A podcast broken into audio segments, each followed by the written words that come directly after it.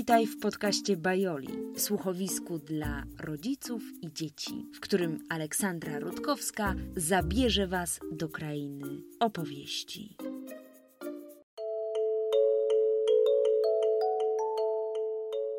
Dawno, dawno temu na dnie wielkiego oceanu mieszkała sobie maleńka muszla. Muszla miała wielkie marzenie. Marzyła o tym, by kiedyś wydostać się z dna oceanu, by zobaczyć piękne słońce, by poczuć powiew wiatru, by doświadczyć wszystkiego tego, o czym kiedyś opowiadała jej ryba. I tak zaczęła mówić o swoim marzeniu na głos. Kiedyś podpłynął do niej węgorz i rzekła: Węgorzu, może ty pomożesz mi wydostać się na powierzchnię ziemi. Chciałabym zobaczyć piękne słońce, chciałabym poczuć powiew wiatru, chciałabym poczuć zapach kwiatów. A po co, po co, po co? Życie ryby na lądzie zaczyna się w sieci, a kończy na patelni. Nie polecam ci, żebyś ty tam się znalazła. A poza tym miejsce muszli jest na dnie oceanu. Sieć tu, gdzie powinnaś siedzieć. Muszli zrobiło się przykro, ale następnego dnia zapytała Meduzę. Meduzo, wiesz co, ja chciałabym, żebyś pomogła mi wydostać się na powierzchnię ziemi. Chciałabym zobaczyć słońce, poczuć powiew wiatru.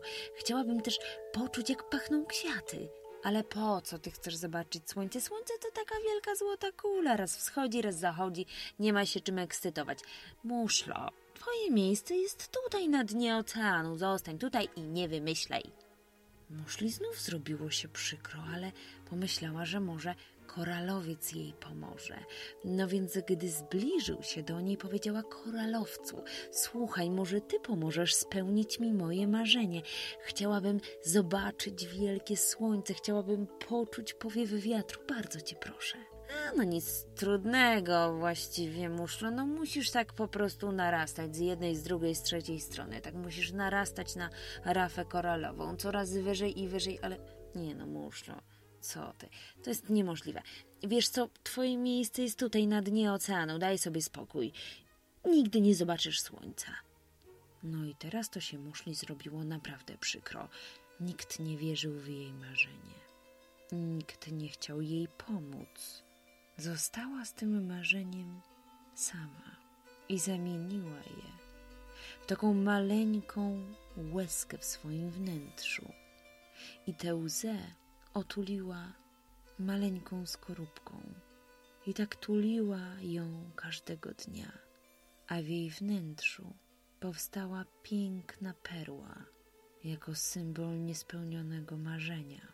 Ale muszla nigdy do końca nie straciła nadziei jednego dnia poczuła coś niecodziennego, tak jakby ktoś ją wynosił w górę i w pewnym momencie ktoś otworzył muszlę a wtedy ta ujrzała piękne słońce, poczuła powiew wiatru, poczuła zapach kwiatów, a potem usłyszała: Dziadku, spójrz, jaka piękna perła! Dziadku, to najpiękniejsza perła, jaką kiedykolwiek widziałem! Dziadku!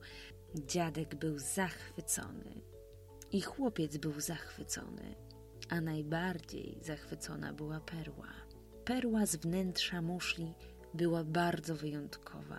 Trafiła do najlepszego sklepu jubilerskiego, a muszla trafiła do pokoju małego chłopca, który przyłożył ją do ucha i wtedy usłyszał nie tylko szum morza. Chłopiec usłyszał historię o marzeniu, które właśnie się spełniło. I tak kończy się ta opowieść.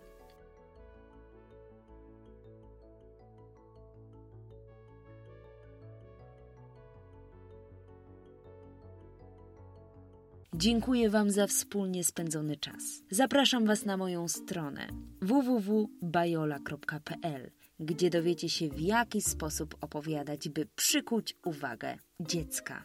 Do usłyszenia w kolejnym podcaście.